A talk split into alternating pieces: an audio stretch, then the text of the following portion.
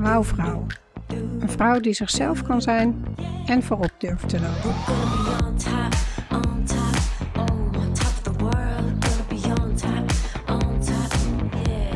Welkom bij de podcast voor ambitieuze vrouwelijke leiders die dicht bij zichzelf willen blijven en leiden vanuit hun hart en intuïtie.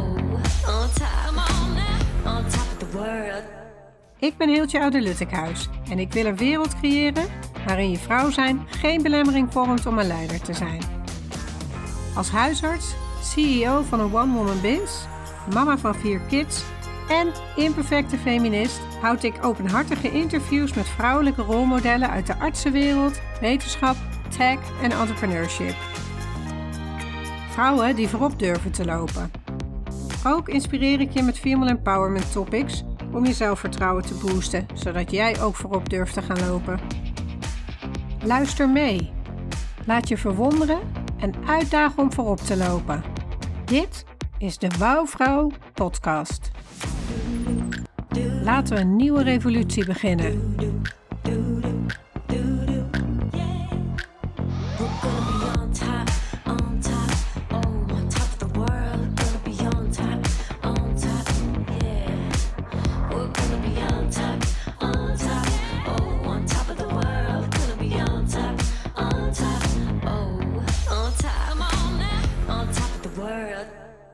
Welkom, Sietske, bij Wouwvrouw de podcast.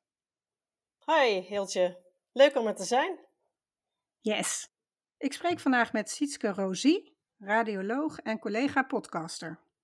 Zij werkte als docent medisch leiderschap aan de TIAS Business School, voor wie zij onder andere de podcast Leiding geven in de zorg maakte. Ook is zij initiatiefnemer van de Zorg Podcast Club, een community voor vrouwelijke artsen die een bredere kijk op de zorg hebben. Dezelfde doelgroep volgens mij dus. Sietske deelt bij de Zorg Podcast Club tips voor podcasts met discipline overstijgende onderwerpen met zowel soft als hard skills. Sietske, laten we meteen met wauw beginnen. Ja. Wanneer voel jij je een wauwvrouw? Uh, ja, dat is, dat is heel divers. Dat kan uh, maar meer als ik een bepaald inzicht heb. En dat kan zijn uh, werkgerelateerd of privé. Of als ik in een team lekker aan het werk ben. Ik hou heel erg van humor. Dus dat vind ik ook heel belangrijk in het team. En een goed teken van goede sfeer op het werk. Ja, dus dan, dan, dan, krijg ik, dan voel ik me wauw. Fantastisch. En wat is het laatste humoristische moment dat je meemaakte? Ja, dat is ook wel. We hebben thuis gelukkig dezelfde, dezelfde humor. En het, met kinderen heb je ook geen gebrek aan humor. Uh, zeker als ze dan moeilijke woorden proberen te gebruiken. Dus dat, dat is waarschijnlijk zoiets geweest. Dat er een moeilijk woord net verkeerd. Een hele ludieke. Uh, hè, mijn, mijn, zoon vindt oneven getallen oneerlijke getallen. Ja, dat, dat, dat soort dingen, daar hou ik wel van. Oh ja, grappig. Ja, zo hadden wij gisteren een discussie, om ook meteen even in het vrouwentopic te gaan, maar over uh, dat mijn dochter van negen zei, nee mama, een spiraal heeft geen T-vorm. ja. Ja, super uh, alert, ja. Ze willen heel graag meedoen met het gesprek, maar ja. ja wij, wij, zaten misschien ook wel net wat verkapt erover te praten. Oh ja, ja, ja. Ja, ja nieuwe podcast, nieuwe mensen, dus ik wil je vragen, Sietke, hoe is jouw passie voor medisch leiderschap eigenlijk begonnen? Nou, ik uh, was een opleiding tot radioloog. En toen realiseerde ik me dat er allerlei dingen nodig zijn om een goede dokter te zijn, die ze ons niet leerden.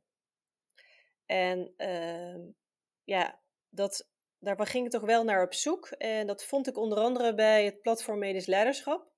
Daar vond ik gelijkgestemden. Zo ben ik ook meteen actief en mee gaan doen.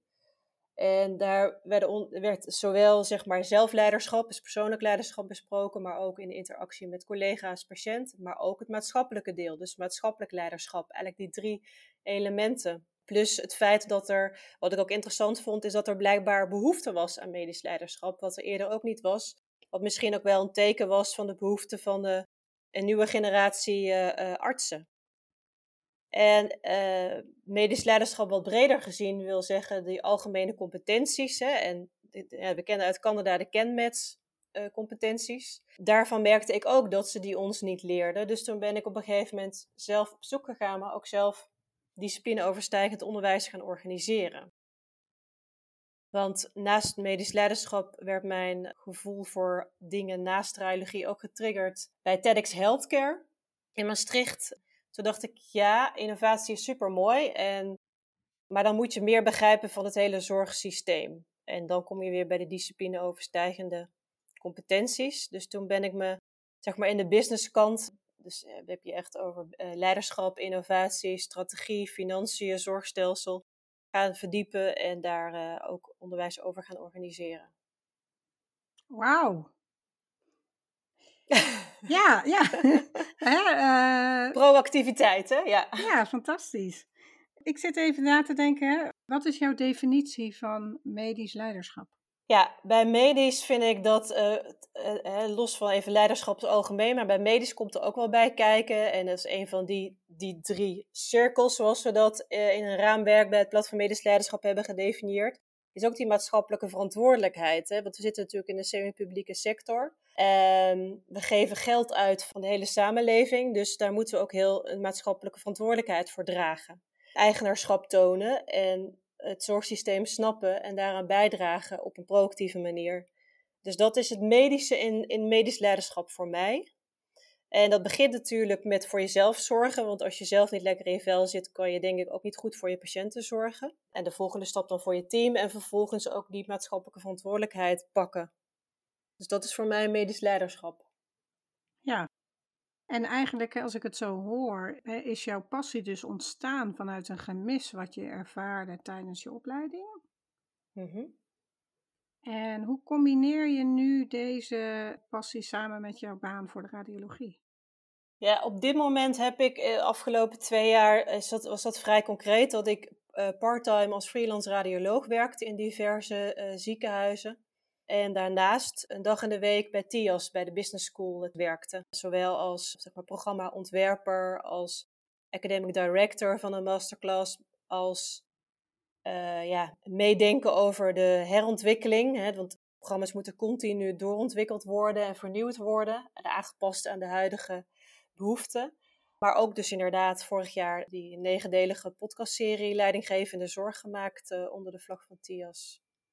Ja, Mooi. Dus eigenlijk is het pad dat jij hebt gelopen, is dat jij de opleiding geneeskunde hebt gedaan, in opleiding bent gekomen tot radioloog, deze passie ontwikkelde voor medisch leiderschap, dus veel onderwijs en trainingen daarnaast bent gaan geven.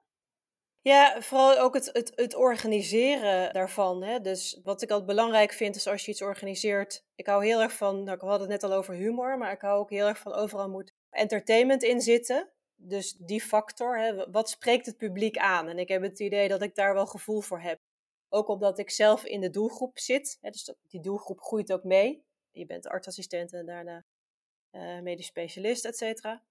Maar wel altijd vanuit een breed, dus, dus niet alleen radiologie, maar gewoon heel breed meteen. Dus, dus alle medisch specialisten in opleiding, of misschien zelfs nog breder.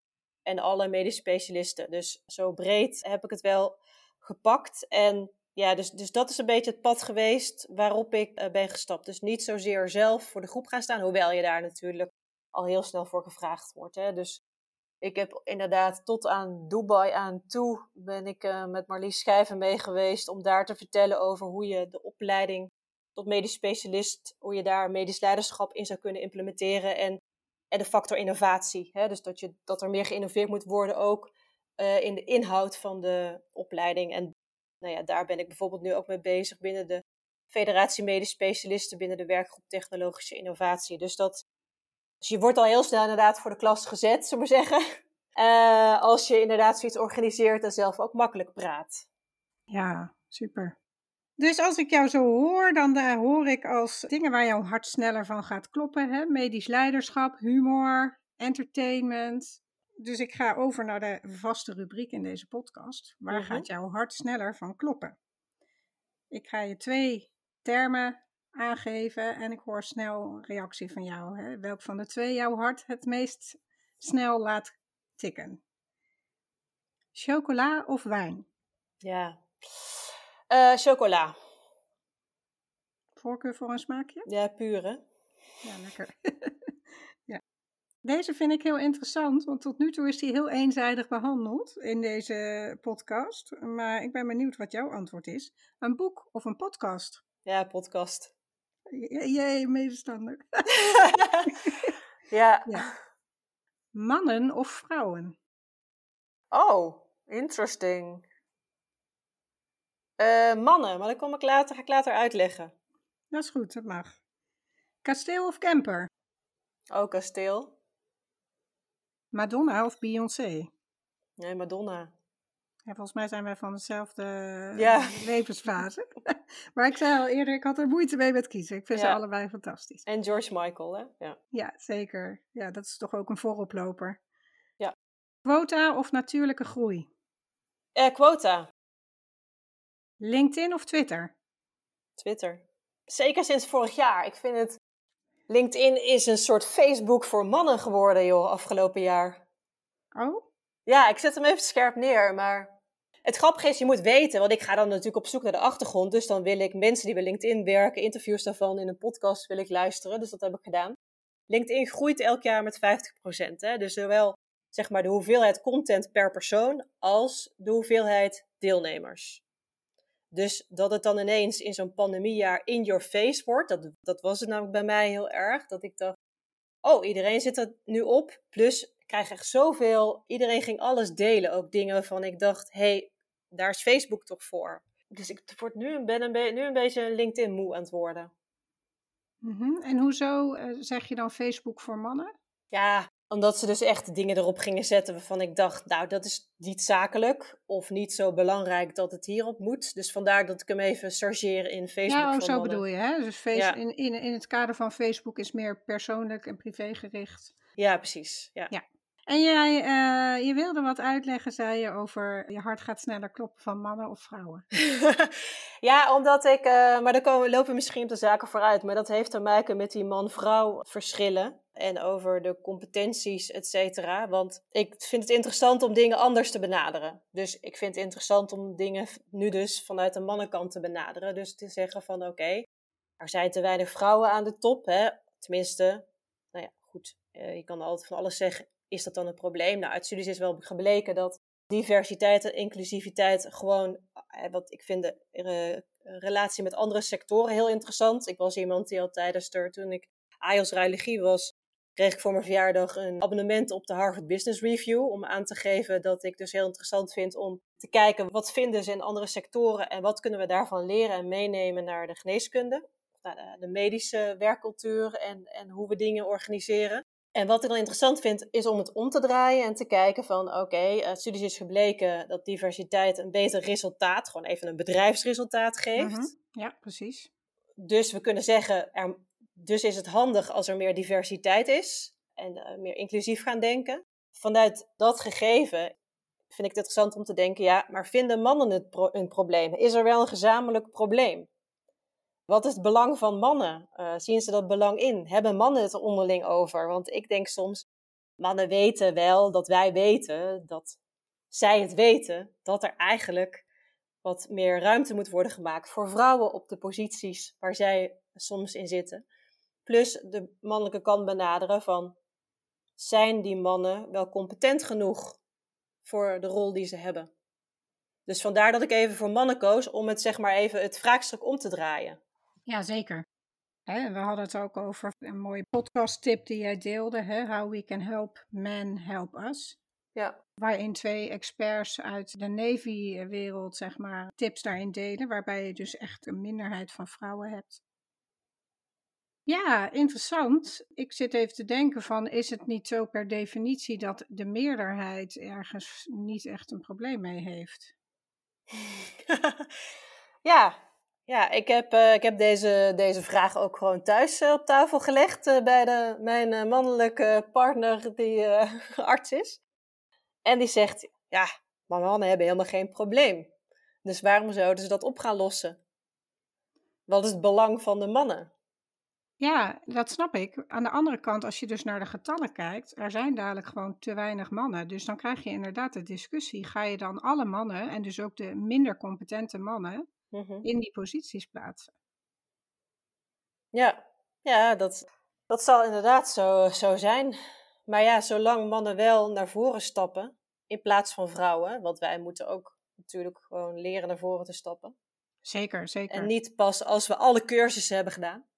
Nee, niet als we alle cursussen hebben gedaan of als we ons helemaal klaar voelen om erin te stappen. Nee, dat klopt. Hè? We hebben, alle partijen hebben hierin denk ik werk te doen.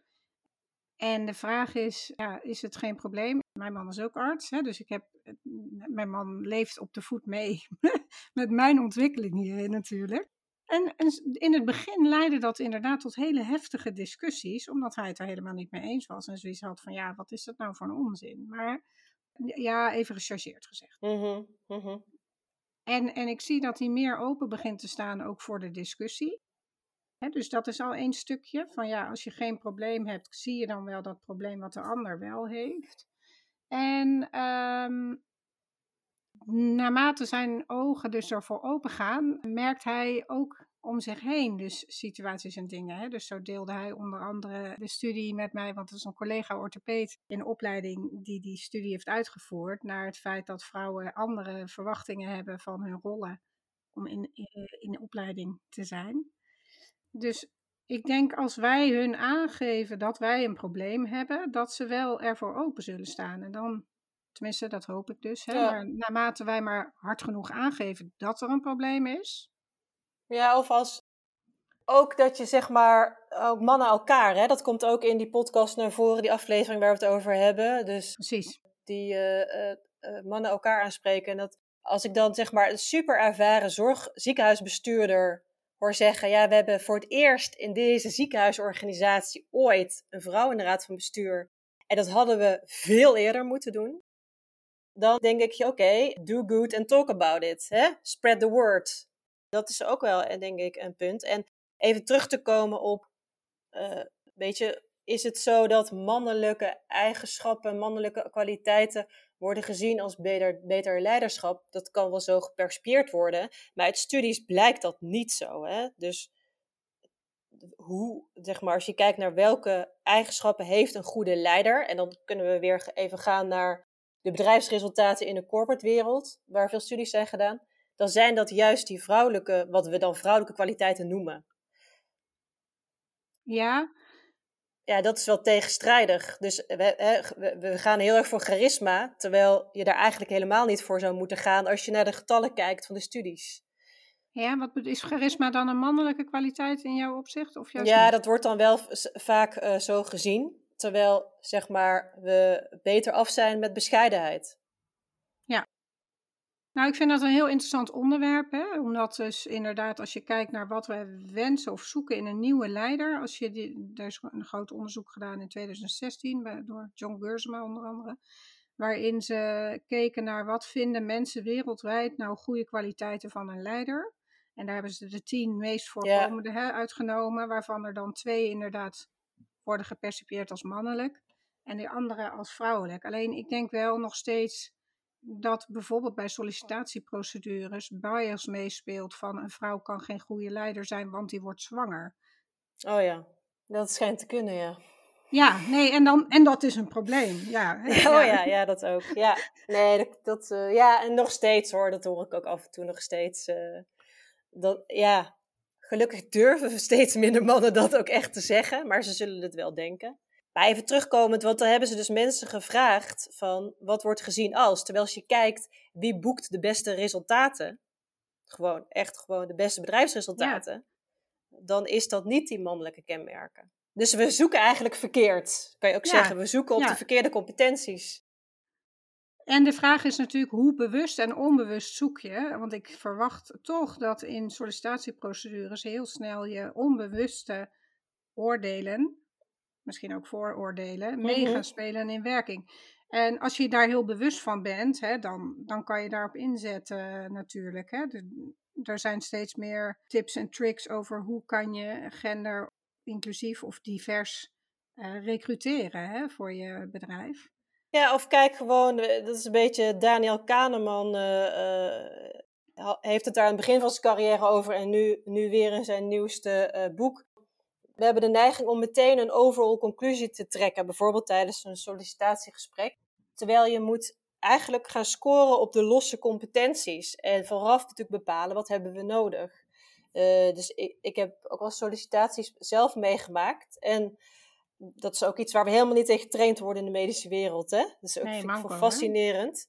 Dus ze bepalen vooraf niet wie zijn we zelf, wat hebben we nodig, wat is dat profiel, uh, hoe zit dat in de competenties. Ze, maar wat er vaak gebeurt is dat halverwege de sollicitatieprocedure krijgt de vakgroep ruzie met elkaar.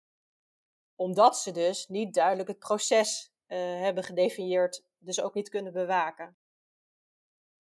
nou ja, om even, dan kom ik dus weer op al die competenties uit andere sectoren waarvan ik denk dat we er, waaronder HR, van kunnen leren. Ja, waardoor dingen gewoon eigenlijk gaandeweg waarschijnlijk meer divers zullen worden. Om maar een van de veranderingen die zullen plaatsvinden wellicht uh, te noemen.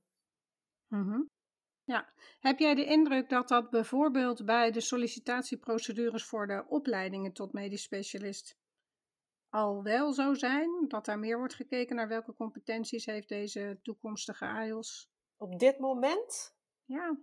Ja, ik heb daar denk ik te weinig zicht op. Want ik, dan vind ik het wel meteen interessant. Want je hebt natuurlijk heel lokale.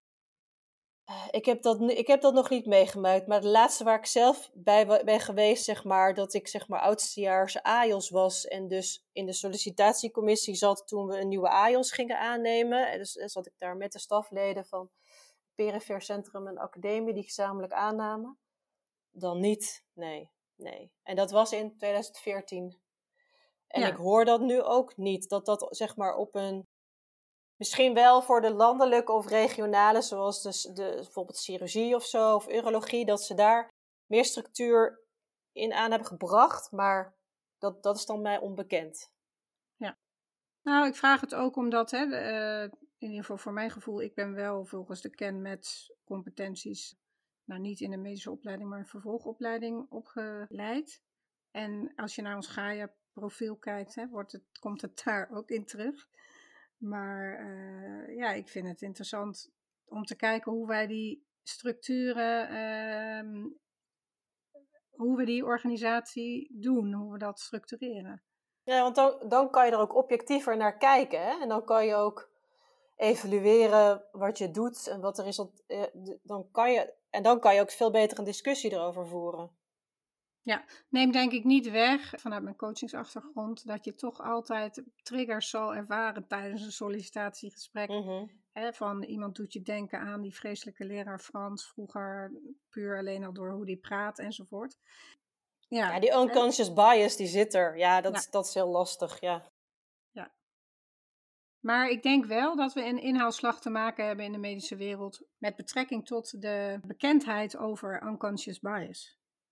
Ja. ik denk dat voor in de jongere generatie met name dat het al een stuk uh, helderder is, dat we weten waar we het dan over hebben.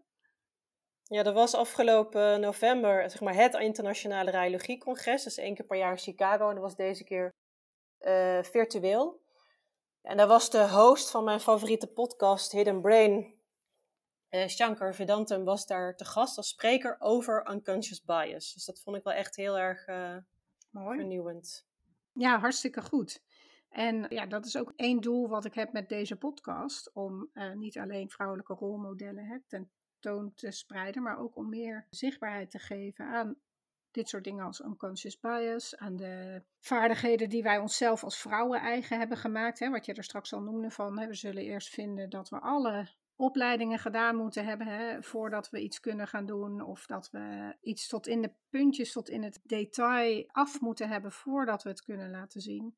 En ja, daar wil ik ook handvaten voor aanreiken. Hè, dat als je daarvan bewust bent of merkt van nou, ik kan nooit iets doen voordat het 100% in orde is. Dan dat je daar zelf wat aan kan doen. Dus dat we het van uit beide groepen, hè, of al die anderen die er dan ook nog zijn, maar even op het gender-dualiteitsstuk, uh, dat we dan uh, van beide groepen uit dingen aanpakken. Ja, en dan kom je ook wel op mentorship en sponsorship. Dat is iets wat in Nederland, vind ik, niet zo gebruikelijk is, maar dat zie je in de VS bijvoorbeeld veel meer. dat uh, mannen, vrouwen, iedereen onderling mentor en een sponsor heeft. Hè? Dus dat uh, dat helpt wel echt, denk ik, om, uh, om mensen ja, te motiveren en om mensen verder te brengen en te ondersteunen en over die drempel uh, te helpen. Ja, zeker. En in die, de podcast over mannen die vrouwen helpen, deden ze daar ook een hele goede uitspraak over. Dat je dus ook als man een vrouw kan mentoren. Maar je er wel bewust van moet zijn dat jij een andere bril hebt, hè, een andere wereld. En dat dat vaak wel iets is, hè, maar dat noemen zij dan vanuit hun eigen achtergrond. Dat je nu vaker ziet dat een man dan zegt van, oh maar eh, ja, je moet dat even zo doen. En je moet daar voor die zaal gaan staan en voluit hè, lekker erin rammen als het ware. Mhm. Ja, dat die vrouw dan zei, ja, maar dat kan ik niet doen als eh, Black American woman. Hè? Ja, En, ja. eh, Echt gechargeerd. Ja. Ja, en, en dat je daar dan inderdaad bewust van bent. Maar een heel mooi eh, idee om, om mentorships misschien ook wat meer in te zetten bij ons. Ja, Ja, en met name en het sponsor en het mentorship gedeelte. Want ja, als je dan als, als chief resident eh, radiologie aan de ene kant van de VS als enige vrouw in een groep mannen zit, maar je bent de chief, maar je wordt gecoacht door zeg maar het radiologisch leiderschapsvoorbeeld aan de andere kant van de VS, ja, dat is natuurlijk top. ja. En Ja, dat, kan dan dat- virtueel, zeg maar. Ja, en dat, dat zie ik, dat, dat heb ik nog nooit gezien of meegemaakt of, of ja. Want zou je dat als opleider niet ook als jouw rol zien dan? Of zit Ja. je dan...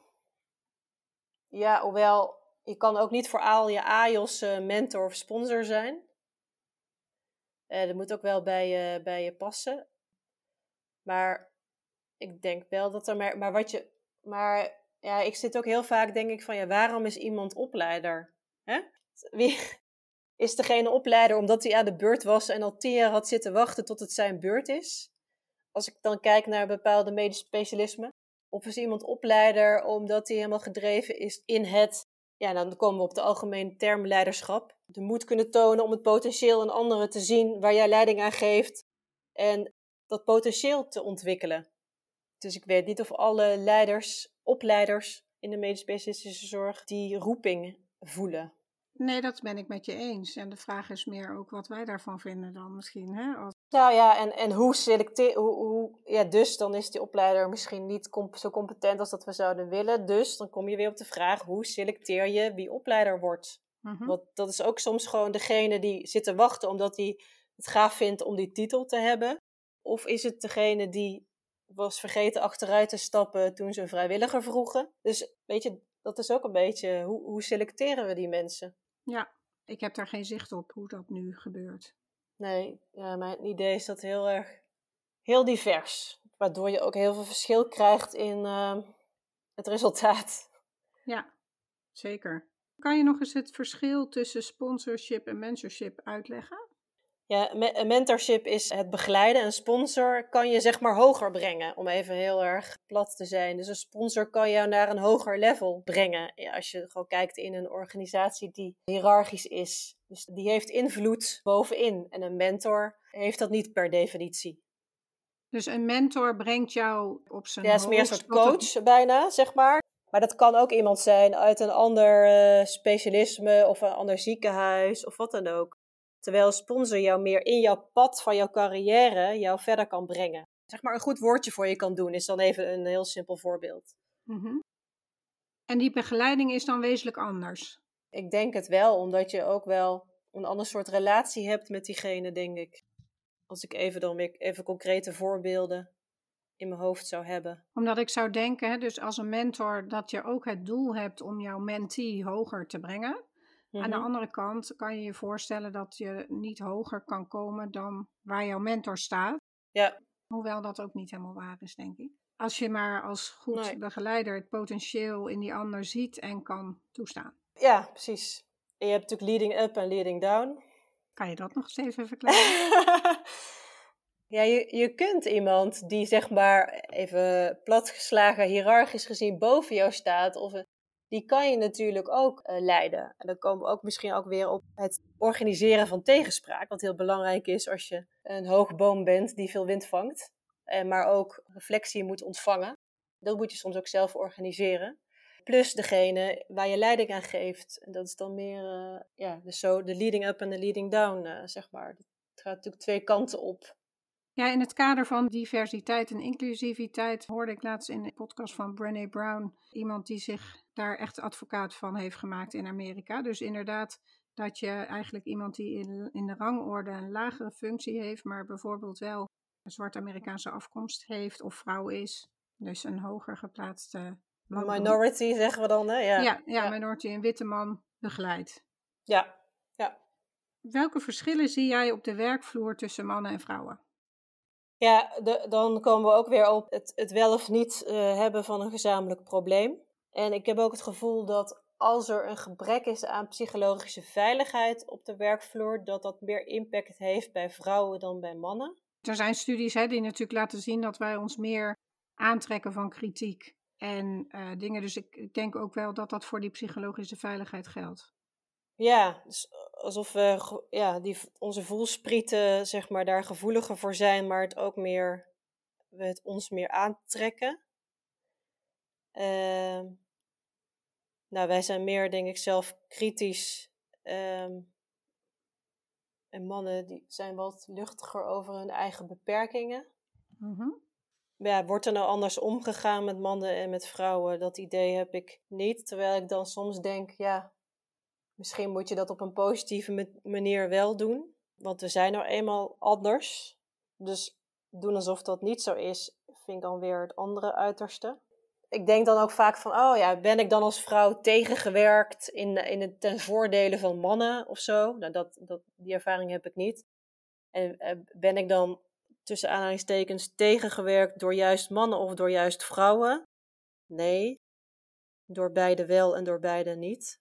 Ja, dat zie ik niet zo, maar het is meer dat ik het idee heb dat vrouwen nu degene zijn die de noodzaak om nieuw leiderschap te introduceren. En dat, dat zie ik gewoon maatschappijbreed. Hè? Dus, dus bestuurscultuur in Den Haag, maar ook de behoefte aan medisch leiderschap op de werkvloer. Om dat aan te kaarten. En ik heb het idee, maar dat gaat heel ver hoor. Ook, ik, ik nu ben me nu aan het verdiepen in artificial intelligence. En dan zie ik dat alle mensen die zich met de ethiek ervan bezighouden, dat ze allemaal vrouwen, vooral vrouwen. Dus daar zitten we in een soort paradigma shift, heb ik het idee waarin we op een soort kruispunt staan van uh, er is meer behoefte aan, aan de feminine kant misschien. Of in ieder geval aan iets anders dan wat er nu afgelopen jaren is geweest. En, maar dat is dus maatschappijbreed, zie ik dat. Ja.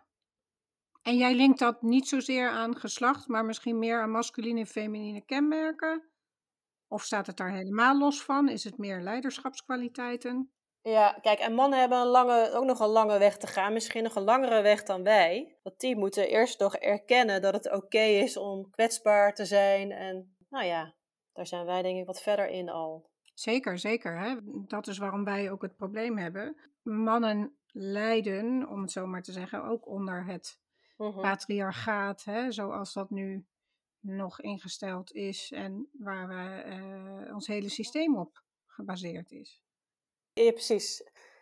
En het lijkt dan nu alsof dat mannen daar veerkrachtiger in zijn. Maar ik denk ook als we naar Pieter Omzicht kijken dat dat niet zo is. Maar het erkennen daarvan, ja, dat dat wel uh, nu begint te komen. En wat bedoel je met als we naar Pieter Omzicht kijken? Nou ja, uh, die, op een gegeven moment houdt veerkracht bij mannen ook op. Ja, precies. Ja. Ja, wat ik een bijzonder voorbeeld eh, daarvan vind, is vorig jaar eh, tijdens het begin van de coronacrisis.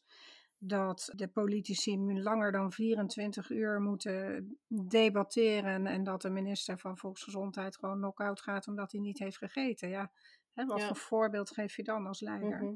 Waarbij ik denk, ja, is dat dan, ja, ik, ik kan dat niet aan geslacht linken, hè, maar meer van is het systeem passend voor de huidige maatschappij? waar we in leven. Ja. Ja, nou ja, mijn, mijn man zei gisteren, waarom opereren ze eigenlijk op de OK van 8 tot 4 en niet van 9 tot 5? Ik weet het niet. We doen het onszelf aan, denk ik soms. Ja, precies. Als je in de time management wereld kijkt, dan is tussen 9 en 5 zijn eigenlijk niet onze beste uren voor concentratie.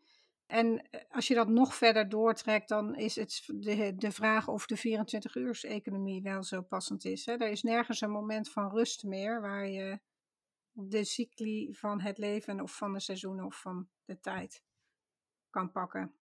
Ja, precies, die cycli en, en dat het normaal is om pauze te houden. Wat ik ook wel een mooi initiatief vind nu is Zin en Zorg. Het is verdeeld zeg maar in vier groepjes, vier challenges. En een van die challenges heeft een soort pauze bingo kaart gemaakt. Waarop dan bijvoorbeeld staat: Nee, ik houd geen pauze, want er is onderwijs. Of ik wacht op supervisie of ik moet nog supervisie geven. Dus zowel voor AIOS als voor medisch specialisten. Of nou ja, ik heb gisteren al pauze gehouden. Of ik moet mijn poli nog voorbereiden. Of de eerste patiënt is er al. Allemaal excuses, maar ja, we zijn er zelf bij. Hè? We zijn er zelf. Kijk, wat het uiteindelijke doel is dat we goede zorg leveren. Volgens mij moeten we dan niet onszelf kapot maken. Nee, dat klopt. Ja, ja, datzelfde geldt natuurlijk voor de werkuren, die voor de AIOS al ontzettend verbeterd zijn, maar voor medisch specialisten zelf nog erg tegenvallen. En groot onderzoek in de Lancet laat zien, als je meer dan 55 uur werkt, dat je 33% meer kans hebt op CVA's en, en 13% meer kans op coronary heart disease. Hè? Dat ik denk, ja, waar, waar zijn we mee bezig? Zeg maar. Maar ook inderdaad met meer vrouwen die deelnemen in de arbeidsparticipatie en die toch voor een deel, en ik vind ook wel dat dat moet veranderen, maar dat die de zorg voor kinderen of voor zieke naasten dragen, dat daar het systeem ook niet op is aangericht. Toen ik zelf voor de keuze stond van, ja, eigenlijk zou ik het beste een huisartsenpraktijk kunnen beginnen. Toen dacht ik, ja, maar dan kan ik nog steeds mijn uren niet vrij indelen, omdat ik afhankelijk ben van het ziekenhuis waar ze tussen 8 en 5 beschikbaar zijn. Terwijl dus voor mij als, nou, wat op dat moment voor mij passend in het gezin was, zou ik bijvoorbeeld liever tussen 9 en 3 en van 7 tot 9 s'avonds werken, bij wijze van. Mhm. Maar het systeem ja, maakt dat niet mogelijk. Nee, en we houden elkaar daarin gevangen, want ik vind het ook al lastig. Ik sprak laatst een vrouwelijke collega en die zegt, ja, ik, werk van 8 tot half 7. En die, dat heb ik nodig om de productie te draaien die past bij mijn huidige salaris. Want er zijn natuurlijk allerlei verdelingen van honorarium en winstaandelen als je dan over vrij gevestigd spreekt, maar ook in de andere vormen van betalingen. En ik vind dat ik dat waar ben. En als je hem omdraait, dan denk ik, ja, zij is dat salaris absoluut waard als medisch specialist. Maar het is wel erg dat ze daar zoveel voor moet werken, om, omdat we die methode van verdeling hebben. Het is toch een soort red race waar we in zitten, waarbij we qua productie met elkaar vergeleken worden ieder jaar, maar niet met wat we het jaar ervoor hebben gedaan. En daarin, kijk, het feit dat ik medisch specialist of radiologen dan vervang tijdelijk als ze burn-out zijn, dat is eigenlijk heel triest dat dat nodig is. Ja, ik hoor eigenlijk, hè, de, nou, het is een stemmetje in mijn hoofd, maar de gevestigde orde noem ik het even, hè, uh, zeggen van ja, maar de continuïteit van de zorg. Ja, maar die, die integriteit, die loyaliteit die wij hebben, ja, daar wordt soms ook wel misbruik van gemaakt. Ja. Ook door onszelf, maar ook door anderen. Ja, en daarin is het wel lastig om een stapje terug te doen. Ja. Want het zijn juist de verantwoordelijk voelende, loyale mensen vaak die voor dit vak kiezen. Ja, maar wat je krijgt is, stel je gaat dus, die werklast is gewoon, is hoog en wordt alleen maar hoger. Iedereen ervaart dat in ieder geval zo binnen de radiologische wereld, want daar zijn echt concreet allerlei uitvragingen gedaan recent. Wat je dan krijgt is, je stomt af, hè, want je laat een aantal dingen gewoon niet meer binnenkomen. Dus ik merk dat ik een empathischere arts ben als ik niet vijf dagen in de week, plus ook nog dienst het weekend, radioloog ben. Omdat, en dan ligt er ook aan wat je doet, maar ik heb bijvoorbeeld twee jaar lang mammaradiologie gedaan. Nou, dan, dan, dan heb je dus regelmatig te maken met mensen die, die ik de bijna zekere diagnose borstkanker bijvoorbeeld op bepaalde momenten uh, gaf. Ligt er ook aan in hoe je het hele zorgpad hebt ingericht. Maar je hebt echt wel uh, uh, soms nare gesprekken met patiënten en dat hoort er ook helemaal bij. Plus, kijk, een radioloog zit echt af en toe ook met tranen in zijn ogen als hij door een scan scrolt, ook al ziet hij die patiënt niet live. Mhm. Maar dan zien wij natuurlijk ook dat er bij een 37-jarige de behandeling totaal niet aansluit en dat er overal uitzaaiingen zitten. En dat komt bij ons ook binnen, ook al zien we, wij zien niet de plaatjes, we zien de mens. We, zien, we, zien, we kijken niet naar plaatjes van een scan, we kijken naar een mens. Dat realiseren we ons terdege. En wat je dan merkt op een gegeven moment is als je gewoon overbeladen wordt, dan ga je bepaalde dingen, ga je, gaat een soort zelfverdedigingsmechanisme inbouwen, waardoor je dingen niet meer minder laat binnenkomen, waardoor je, zodat je het langer volhoudt. En dan krijg je minder apathische dokters. En als je iets niet wil, is minder apathische dokters. Ja, en in een van de eerdere contacten gaf je aan van ik ben in mijn carrière ook, ook wel tegengewerkt door mannen. Maar niet zozeer omdat ik een vrouw was, maar meer omdat ik niet het pad bewandelde wat men bedacht heeft. Ja, ik, uh, ik ben nog mijn eerste kooschap. Want ik heb op een gegeven moment mijn studie versneld afgemaakt. Ik heb deels in Leuven gestudeerd en deels in Utrecht. Dat heb ik op een gegeven moment in Utrecht twee jaar in één gedaan, omdat ik die praktijk in wilde. En mijn eerste kooschap, bij de eerste overdracht waar ik was, dacht ik echt, wat is dit? Wat gebeurt hier? Dus zeg maar al die ongeschreven regels, omgangsvormen. Ik dacht echt van, waarom hebben ze mij dit niet eerder verteld? En nu als freelancer zie ik zeg maar die ongeschreven regels, maar ook de blinde vlekken, zie ik heel erg snel, omdat je overal fris binnenkomt. Mhm. En dat zijn dingen die, die mensen zelf die daar het werk of volledig geaccepteerd hebben, of oprecht niet meer zien of doorhebben. Kan je daar eens een concreet voorbeeld van geven? Ja, dat gaat heel, heel, heel erg om bijvoorbeeld dat je denkt van... oké, ik werk hier nu drie maanden, ik heb het afdelingshoofd nog nooit gezien. Mhm. Of we hebben kooschappen van waarom is het normaal dat voor die medisch specialist opgewarmde melk gehaald wordt door de co-assistenten. Heb ik even twee eh, uiterstukken, ook qua tijd. Ja. Of waarom zijn al deze radiologen hier om acht uur ochtends, terwijl er nog niks te doen is? Want de scanner gaat nu pas aan. Maar dat hebben ze dan met elkaar afgesproken, dat ze er van zo laat tot zo laat zijn. Terwijl ik denk, joh, laat een paar mensen lekker hun kinderen naar school brengen. Maar wat je dus heel erg ziet als freelancer is bepaalde patronen. En dat, dat kunnen patronen zijn die bijvoorbeeld of heel inefficiënt zijn. Dat ik ergens kom en denk, joh, geef mij alvast dat mapje van die patiënt, dan kan ik even kijken. Of nee, maar je mag het mapje pas als die patiënt een foto heeft gehad. Ik zeg, maar ga jij iets met het mapje doen dan? Nee, maar dan mag dan het mapje zodra die patiënt zich gebeld heeft. Uh, ja, daar moeten we eerst over vergaderen. Want ik was dan de eerste die dat anders wilde. Ja, en dat hidden curriculum, wat jij ook al in de eerdere podcast noemde, daar wordt soort van, omdat de wereld zo klein is en je bent zo afhankelijk van elkaar, stel je bent neurochirurg of cardiotoracaal chirurg in opleiding, die kennen elkaar allemaal. En jij wil uiteindelijk ook een baan, dus jij gaat niet degene zijn die zijn mond gaat open doen. Maar als je in het grotere belang denkt en kijkt, en dat is beste patiëntenzorg leveren, dan is dat eigenlijk, en misschien zou dat in iets ook wat in andere sectoren makkelijker is om te doen, omdat je uiteindelijk een goed bedrijfsresultaat wil hebben. Dus als je bepaalde vragen stelt, hè, wat, wat ik dus vooral nu doe, is niet dingen benoemen, maar vragen stellen over dingen. Gewoon heel nieuwsgierig zijn. Maar mensen voelen natuurlijk dat soms als confronterend of als zelfs bedreigend. En dat is ook wat ik bedoel met mannen, maar ook, er zijn natuurlijk ook vrouwen die op een verkeerde plek zitten, zullen we maar zeggen. Hè? Die, en die zijn er misschien ook gekomen juist omdat ze zich op een bepaalde manier hebben opgesteld. Maar ik denk dat mensen die het niet, niet optimaal doen, hè, dus niet competent genoeg zijn eigenlijk voor de rol die ze hebben, die weten wel dat wij weten dat zij het weten. En dus in die zin tegengewerkt, meer van uh, ja, geen begrip voor het feit dat ik vragen stel die eigenlijk best wel relevant zijn. Ja, nou op zich vind ik dit wel een heel mooie toevoeging aan wat Angela Maas in haar interview vertelde. Met name de waarschuwing, wees inderdaad geen klokkenluider, want dat komt je duur te staan. Ja. Of dat keert zich tegen je.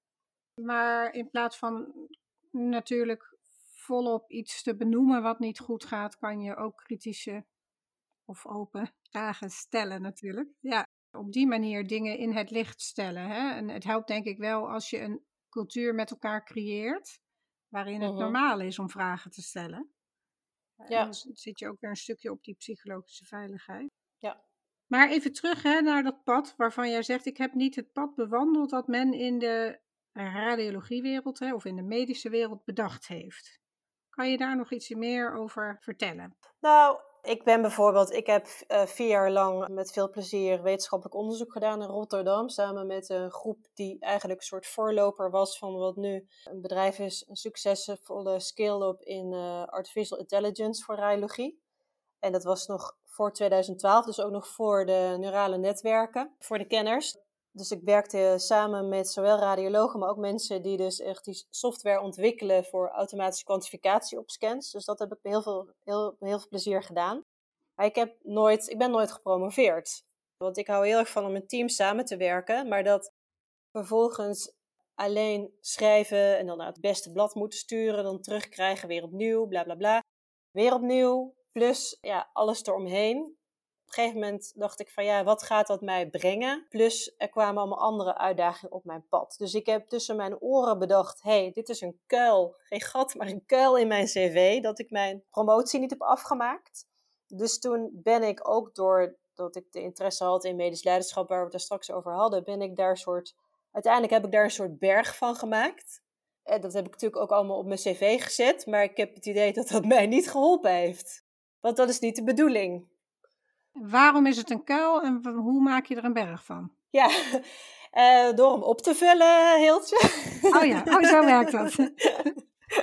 Nee. maar ik vind het even interessant, Sietske, om hierop in te gaan, omdat ik weet, nou... En een berg omdat het een obstakel is, ja. Oh zo, ja, ik zag hem eigenlijk positief. Maar wat, oh. laat ik dan zeggen hoe ik het dacht dat je bedoelde van... Er zit een kuil in mijn cv, want ik heb mijn promotie niet afgemaakt. Ja. ik denk dat dit voor meerdere luisteraars relevant kan zijn. Hè? Ik ben ook iemand die zijn promotie niet heeft afgemaakt. Maar ik dacht dat jij bedoelde van, nou, hè, er zit dus een gefantaseerde kuil. Want je hebt natuurlijk gewoon vier jaar wetenschappelijk mhm. onderzoek gedaan. Hè? Dat is geen weggegooide tijd. Oh nee, ja, die titel van dokter heb je er niet aan vast kunnen plakken. Hè? Maar dat is geen gat. Maar ik denk dat er vrouwen zijn die dat toch vinden van zichzelf. En ik moet zeggen dat het voor mij ook lang heeft geduurd om dat hè, te kunnen transformeren tot berg. Mhm. Dus ik ben heel benieuwd hoe jij er een berg van maakt. Van hoe draai je hem dan om? Nee, ik ben het gaan compenseren. Ah, hoe, hoe werkt dat? Vertel eens.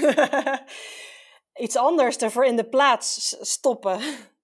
Uh, en dat kwam ook wel door. Uh, ik dacht, ja, dan moet, dan moet ik dus iets anders op mijn cv hebben. En gelukkig was dat ook wel iets waar ik energie van kreeg en waar ik maar ik denk dat ik daar wel extra tijd en energie heb in heb gestopt, omdat ik iets anders op mijn cv wilde hebben. Maar dat, datgene werd zo groot dat het denk ik ook wel weer misschien wel tegen me heeft gewerkt. Er zijn wel plekken geweest die zeiden: Dit ziekenhuis is te klein voor jou.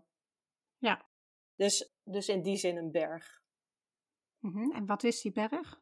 Nou, die bestaat dus uit allerlei uh, extracurriculaire activiteiten die omtrent medisch leiderschap en dingen organiseren. En, en het, soms heeft het me ook geholpen hoor, want er waren ook mensen die dachten dat deze persoon kan zoveel in 24 uur doen. Die moeten we hebben, want we hebben hier een super drukke baan.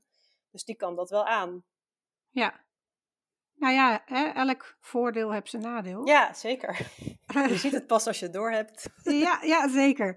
Nee, maar ja, ik denk dat het heel belangrijk is om dit te noemen, omdat het een valkuil is voor veel vrouwen in ieder geval, en misschien ook wel voor mannen, hè, maar als we ergens het gevoel hebben dat we falen, gaan we dat proberen over te compenseren. Ja. En de vraag is of dat nodig is. Hè? En het werkt soms zelfs tegen je, wat jij net zei. Ja. Op welke manier volg jij je hart of intuïtie in je leven of carrière? Ja, wat mij heel erg heeft getriggerd na, naast dat medisch leiderschap is dus ook het zoeken van oplossingen in andere sectoren. Wat ik al zei, uh, zo'n abonnement op de Harvard Business Review. En ook daarvan dingen weer meenemen. Dus ik vind het ontzettend interessant om te zien hoe ze bij de animatiestudio Pixar met psychologische veiligheid omgaan. Wat de basis voor psychologische veiligheid. En het is een beetje een nare term. En het grappige is dat degene die voor het eerst daar in deze tijd over gepubliceerd heeft. Amy Edmondson vindt het zelf, vond het ook niet zo'n prettige term, maar haar reviewers van haar papers, die hadden dat zo gesteld dat het psychologische veiligheid moest heten. Maar dat heeft, haar onderzoek heeft weer een medische basis bij verpleegkundigen die ze onderzocht, waarbij ze ging kijken naar wat was nou het beste team. En het beste team meldde de meeste fouten. En het is niet zo dat ze de meeste fouten maakten, maar ze bespraken de meeste fouten. En dan kom je natuurlijk op uh, als het een veilige situatie is, dan bespreek je fouten en word je uiteindelijk daar beter van. Maar dan moet je ook het interpersoonlijke risico durven nemen om die fouten te bespreken. En dan vind ik het interessant als ik zie dat Pixar dat in hun feedbackronde om een film beter te krijgen gebruikt in de vorm van de brain trust, zoals ze dat noemen. En dat vind ik dan wel leuk om, om dat dan weer terug te brengen naar de medische wereld. Om te kijken, kijk, uh, dit komt eigenlijk van ons. Dit gebruiken ze daar, het werkt daar super goed. Kunnen we dit niet weer op een of andere manier implementeren? Of dat je leest van hé, hey, uh, ze hebben callcenters onderzocht en hoe zij koffiepauze houden. Of je dat per groepje moet doen of allemaal, of met welke combinaties. En dat je dat ook mee kan nemen weer. Dus, dus de parallel met uh, andere sectoren waar veel onderzoek is gedaan naar zowel strategie als operations, als HR, als leiderschap. Want dat, dat is toch wat we vaak als bron gebruiken, merk ik ook. Ik, als je die literatuur ingaat, dan kom je toch vaak, begin je dan buiten de medische sector naar daar achtergrond over te zoeken. Ik merkte dat daar mijn hart wel lag, bij die parallel. En uh, welke parallel bedoel je dan? Parallel tussen zeg maar andere sectoren die bepaalde factoren, aspecten hebben onderzocht die wij in de medische wereld eigenlijk ook nodig hebben of gebruiken of kunnen optimaliseren. Ja, ja, heel mooi. dat is ook mijn intentie waarom ik in deze podcast niet alleen vrouwelijke artsen of rolmodellen uit de medische wereld wil interviewen en samenbrengen.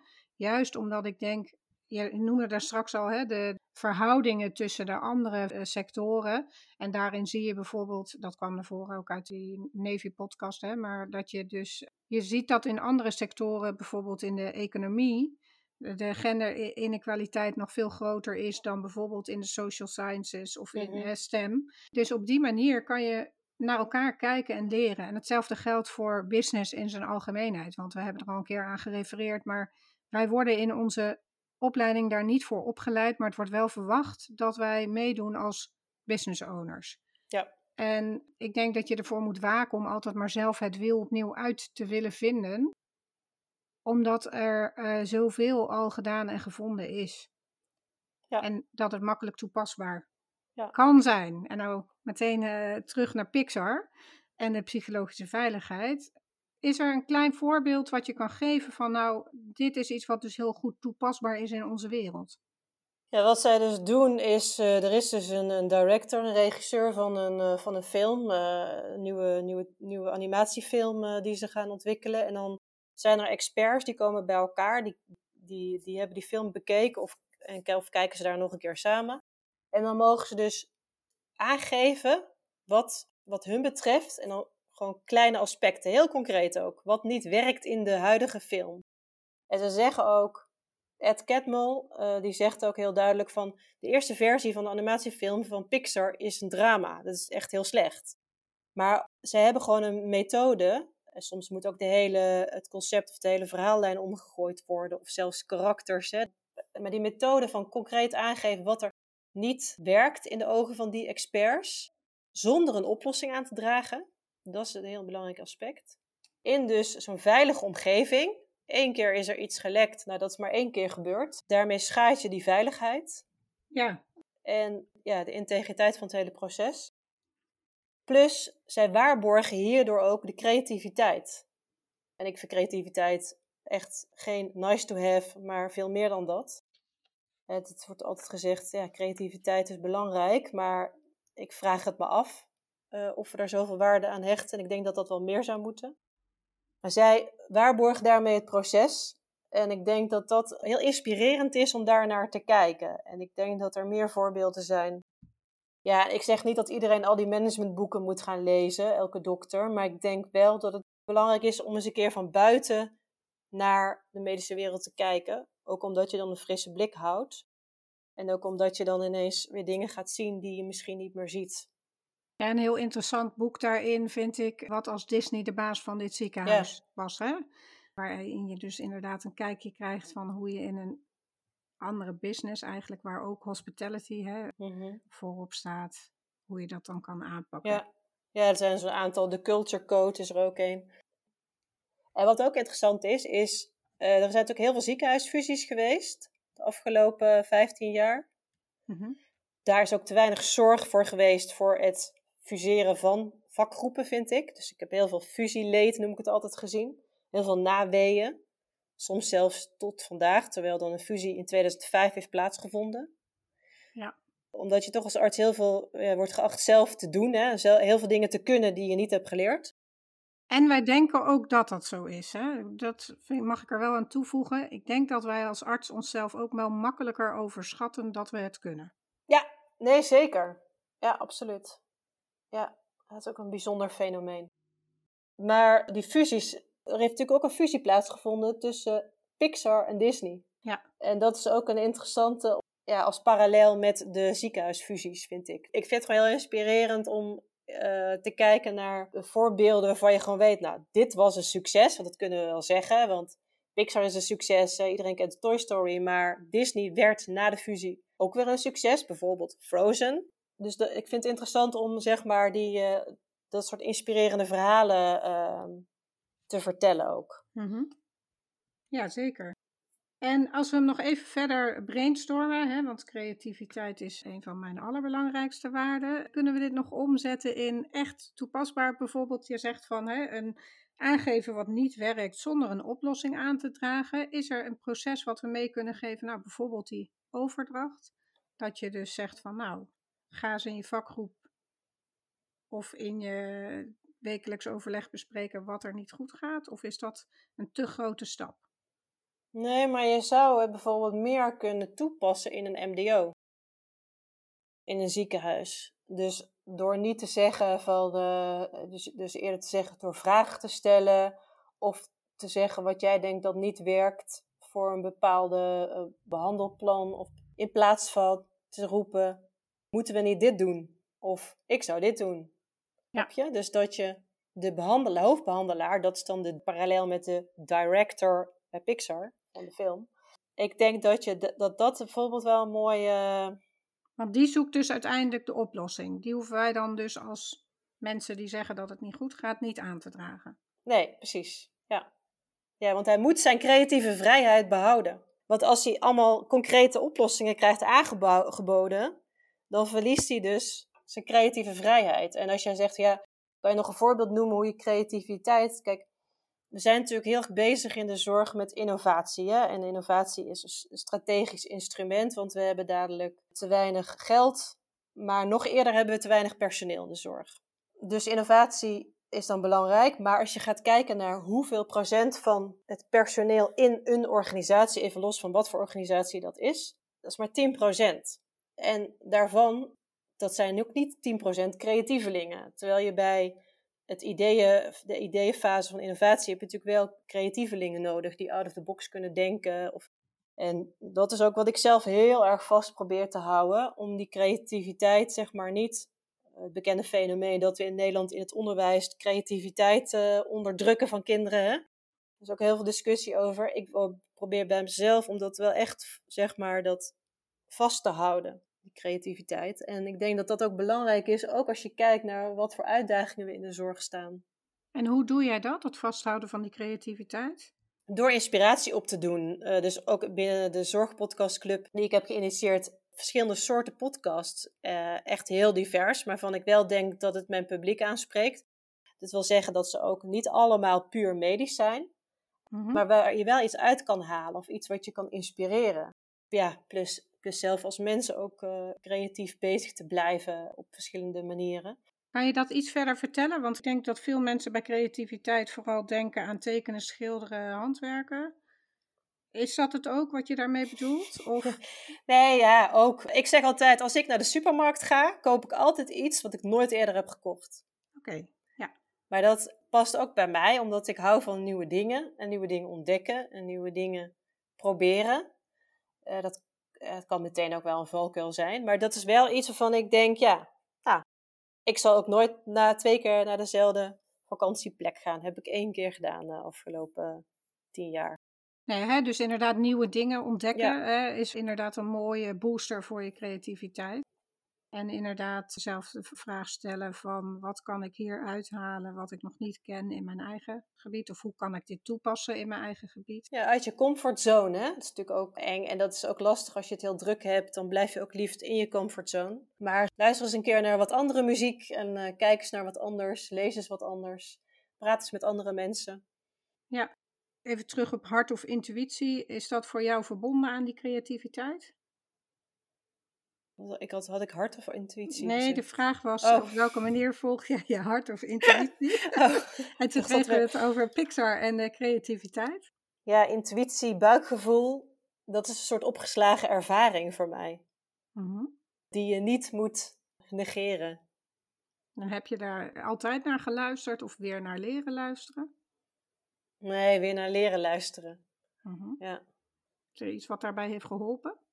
Nou, kijk, het, eh, sommige dingen geven je meer energie dan andere dingen. Sommige dingen loop je leeg, andere geven je energie. En uh, dat is het mooie van ouder worden. daar kom je gaandeweg wel achter. Ja. Dan ga je ook wel patronen zien. En denk, oh ja, nee, dit moet ik niet doen. Mhm. En, en soms stap je nog steeds in die valkuil hoor. Dat doe ik ook, dat doet iedereen. Nou ja, ik geloof ook niet dat het leven iets van een perfect pad is wat we moeten bewandelen. Hè? Obstacles are detours in the right direction. Dat de omwegen achteraf vaak toch de dingen blijken die jou heel wat gebracht hebben. Maar dat weet je niet als je op die omweg zit. Dan denk je alleen maar, ik ga nu niet de goede kant op. Ja, ja maar het is ook vaak een vlucht. Man often finds its destiny on the path he takes to avoid it. Dus Mhm. Ik ken hem uit Kung Fu Panda nummer 1. Film met fantastische quotes, zeker als je kijken met je kinderen. Maar dat is niet de originele oorsprong van die quote. Maar de, dat, ja, dat is wel- vaak wel waar inderdaad. Dat je een soort vluchtroute denkt te nemen. En dan uiteindelijk daar je destiny op tegenkomt. Terwijl je dat juist aan het vermijden was. Ja. Ja, wat is jouw spirit animal? En als we toch over Kung Fu Panda Ja. Eh, ja, ik dacht, eh, ik zal Heeltje eens even hebben. Want een ander heel interessant onderwerp vind ik persoonlijkheidstest. Daar heb ik me afgelopen jaar ook in verdiept. En met name de waarde daarvan. Ja. Dus ik dacht, weet je wat ik doe? Er is vast een testje op internet die ik in kan vullen. Waar dan uitkomt wat voor dier ik ben. Yes, ongetwijfeld. Ik heb ze namelijk ook gedaan. dus ik heb die ingevuld en dan gewoon, eh, want je hebt natuurlijk ja, hoe je op je werk bent, of hoe je als, als privé bent of wat dan ook. Maar ik heb hem gewoon ingevuld hoe ik me gisteravond voelde. En dan komt eruit dat ik een soort Nemo ben. We blijven toch in de tekenfilms, zelfs Ja. van Pixar. Clownfish is dat, hè? Dat is een, een Nemo, die oranje, wit, zwart eh, gestreepte vis. Ja. En toen dacht ik, ik ga nog een stapje verder. Een van mijn andere favoriete podcastafleveringen is van Hidden Brain. En dat gaat over Harry Potter, de Hogwarts Houses versus de MBTI Myers-Briggs. Ja, ik wou je net vragen wat jouw... eh, Wat mijn MBTI is, ja, ja. die weet ik ook. Maar goed, dat is dus... Ik heb laatst ook met eh, Kilian Wawoe, die daar ehm, eh, veel onderzoek naar doet. recent heeft hij ook weer een, een, een boek geschreven. Die zei ook van, ja, je hebt voor me- medicijnen heb je de EMA, hè? dat weten we nu allemaal sinds de vaccins. De EMA moet dan goedkeuren, eh, die zitten tegenwoordig, zaten in Londen, zit tegenwoordig in Amsterdam, of een, of een medicijn al goed is eh, om op de markt te brengen eh, voor de Europese markt. En dat is voor, in Nederland voor eh, Commissie Testaangelegenheden Nederland de COTAN. En heel veel van die tests komen niet die COTAN-certificaat of de cer- eh, certificering door, zeg maar. Dus heel veel van die tests die zijn eigenlijk niet zo goed gevalideerd. En daar valt ook de MBTI onder, die niet goed is gevalideerd. Maar als ik toets mijn MBTI en dan animal, Ja, is dat dolfijn. oké. Dus iets in het water in ieder geval. Ja, precies. Ja, hoe kom je van die MBTI naar de dolfijn? Eh, ja, die kan je dus googlen. Dus doe je MBTI en dan je MBTI. Dus dat is bij mij ENFP. Oké, dat ben ik ook. Dat zijn er niet. Nou, laat ik zo zeggen. eh, je komt niet veel ENFP'ers tegen in de medische wereld. Ik draai hem even om. Nee, dat klopt. Misschien dat ik me daarom niet altijd even thuis voel. Maar dat ik dus vandaar ook buiten de medische wereld kijk. Ja, maar het was voor mij ehm, no worries. Iedereen die denkt, jezus, waar hebben ze het over? Dit is dus inderdaad een karaktertest, een persoonlijkheidstest, ontwikkeld door Myers-Briggs. En ik zal een heel mooi een inspiratiepagina daarvan maken voor jullie. Dat je zelf kan kijken waar je in terecht komt. Of eventueel linken naar goede gratis of betaalde testen. En Ja, het is op Jung gebaseerd uiteindelijk. Ja. er is, Murph Emre heeft een boek geschreven, The Personality Brokers. En dat gaat over de moeder-dochter Maya Briggs. Hè? Dat Ja, zijn moeder en dochter. moeder en dochter, klopt. En zij, ja, zij beschrijft de historie van het ontstaan van die test, maar ook is ze daar kritisch over. Dus dat is ook heel interessant. Want ja, anderen zeggen ja, de Big Five is eigenlijk veel beter. Het gaat er ook helemaal niet zozeer om welke sticker eh, op je wordt geplakt. Want je hebt ook nog die kleuren, hè. Nou ja, Ja, de disc, hè? de disc. En eh, ik heb ook, wel assessments gedaan eh, bij sollicitaties. Allemaal super interessant. En dan zijn er in de medische wereld heel veel blauw-groene mensen. En dan ben ik geel. Nou, dan gaan we ook weer, hè, dat soort dingen. En het gaat er meer om van dat je een soort van zelfbewust... of dat je nadenkt over, oh, wat vindt...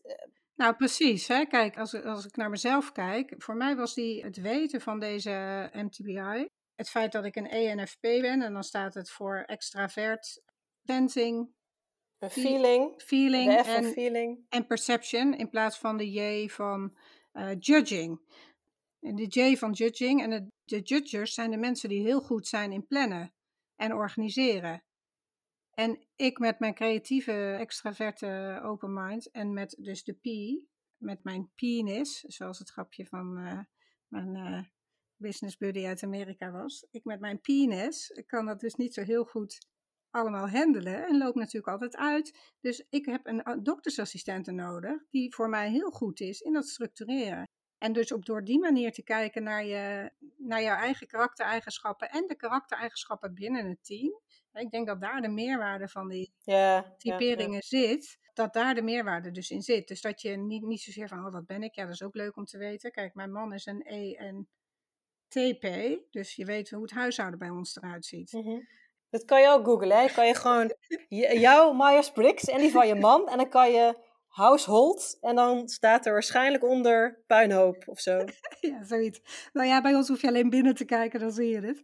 Maar eh, we zijn dus allebei niet zo heel goed in structureren of opruimen wat dat betreft. Maar ja, ik denk dus dat er meerwaarde erin zit. En jij noemt het al heel mooi. Er zijn heel veel groen-blauwe mensen, maar je hebt die anderen ook nodig om je hele proces goed te bouwen.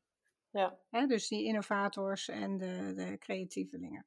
Ja, ja plus, kijk, het feit dat je het weet, dan kan je er ook wat aan doen. Dus kijk, als je mijn radiologische verslagen ziet, die zijn super gestructureerd.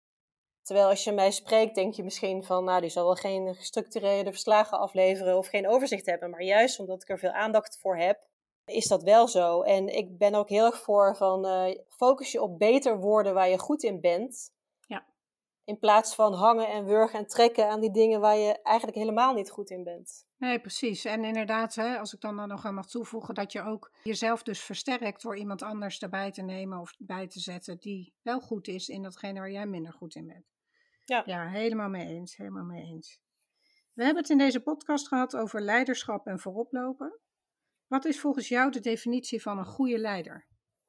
Ja, ik heb het een beetje aangestipt al inderdaad toen we het hadden over medesleiderschap en leiderschap in de brede zin van het woord. Maar dat is echt het potentieel herkennen van de mensen om je heen. En dan de moed hebben dat potentieel te ontwikkelen, te ontplooien bij die mensen.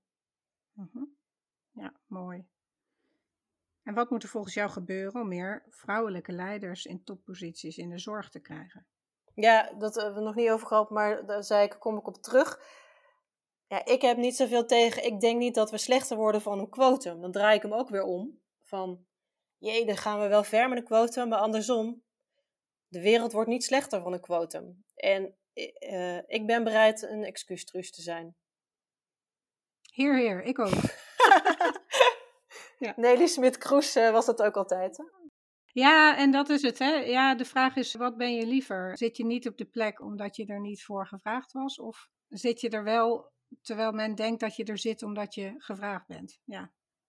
Uiteindelijk gaat het om de impact die je daarmee kan maken. Ja. Hoe ziet jouw leven er over vijf jaar uit? Eh, ja, ik wil echt meer met, nu met die innovatie iets gaan doen. Dus ik heb zeg maar de kennis en de skills en de creativiteit. Maar nu wil ik nog de ervaring krijgen in hoe het is om het liefst vanuit een ziekenhuis innovatie te ontwikkelen, aan te jagen, bij elkaar te brengen, te verbinden. Dat lijkt me interessant. En eh, dat al dan niet gecombineerd met radiologisch werk. Ja, dat in een, in een gezin met een tweeling, een jongen en een meisje. Die zijn nu 9,5. En ehm, ja, die, eh, die groeien en bloeien ook door. Ja, Dus eh, daar heb ik ook heel veel zin in om dat tegemoet te treden. En, en een man, want we hebben het ook nog niet gehad over die mannen die geweldige vrouwen achter zich hebben. ja, hè? want ja, soms voel ik me ook alsof ik mijn man ook wel tekort doe door de kritiek. Maar dat is natuurlijk op de organisatie zoals het nu is. Het is niet naar hem persoonlijk. Maar er zijn ook een heleboel dingen in ons huishouden en gezin zoals het nu is geregeld, waardoor ik bijvoorbeeld nu deze podcast op kan nemen en dit kan doen. Ja, nee, absoluut. Nee, absoluut. Ik bedoel, we staan ook niet achter elkaar, maar iedereen, we staan naast elkaar. En ja, dat is gewoon heel belangrijk dat je elkaar daarin versterkt. Want uiteindelijk eh, word je daar samen ook weer gelukkiger van. Ja, zeker. Is er nog iets niet besproken waarvan je zegt dat moet iedereen wel weten? Nee, nee. En volgens mij hebben we een redelijk volledig eh, gesprek gehad, eh, zo eh, via allerlei omwegen alles wel aangekaart. Ja, maar omwegen zijn om de creativiteit te boosten. Ja, dat is belangrijk voor twee ENFP'ers. Precies. Hey, waarschijnlijk zijn er mensen die graag meer van jou willen weten, zien, horen, luisteren. Kan je met ons delen waar ze jou kunnen vinden? Ja, ik ben uh, natuurlijk te vinden op, uh, op LinkedIn en mijn naam is Sietske Rosie en Sietske is met twee S'en IE en Rosie is met uh, IE en een Z. Daarnaast ben ik vrij actief op Twitter en het gaat met name over die disciplineoverstijgende onderwerpen die ja, tot aan politieke onderwerpen raken op medisch vlak. En daar ben ik ook Sietske Rosie. Op Instagram ben ik ook Sietske Rosie, maar ook de Zorgpodcastclub. Daar geef ik tips van losse podcastafleveringen, zowel Nederlandse als Engelse als Amerikaanse podcasts. Die, denk ik, mijn eigen doelgroep aanspreken. Maar dat is eigenlijk vanaf geneeskundestudent tot aan gepensioneerd zijn, man en vrouw. Kan dat interessant zijn. En dus ik raad iedereen aan ook daar eens op te kijken. Wat was ook alweer de reden om dat alleen op vrouwen te richten?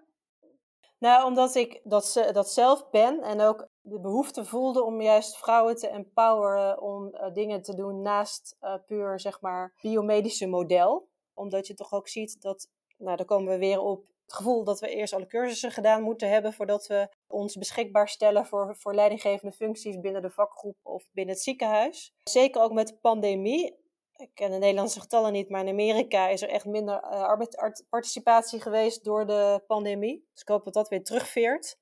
Dus ik voelde daar ook al een behoefte en ik wilde ook een platform creëren om daar dan weer eh, verder mee door te bouwen. Uh, toch iemand bent die graag weer samen zijn, masterclasses, dingen organiseert voor bepaalde doelgroepen over bepaalde onderwerpen of voor vrouwen specifiek. Ja, super. En ja, je zegt van we gaan er weer op terugkomen, hè, maar het is ook een super belangrijk onderwerp. En ik heb meteen een mooie insteek van de solo-aflevering waarin ik het ga hebben over alle manieren waarop wij ons als vrouwen verstoppen en zorgen dat we niet verder komen. Oh ja, interessant. Ja. Heel erg bedankt, Sietske. Graag gedaan. Bedankt. Let's start a revolution. Are you in?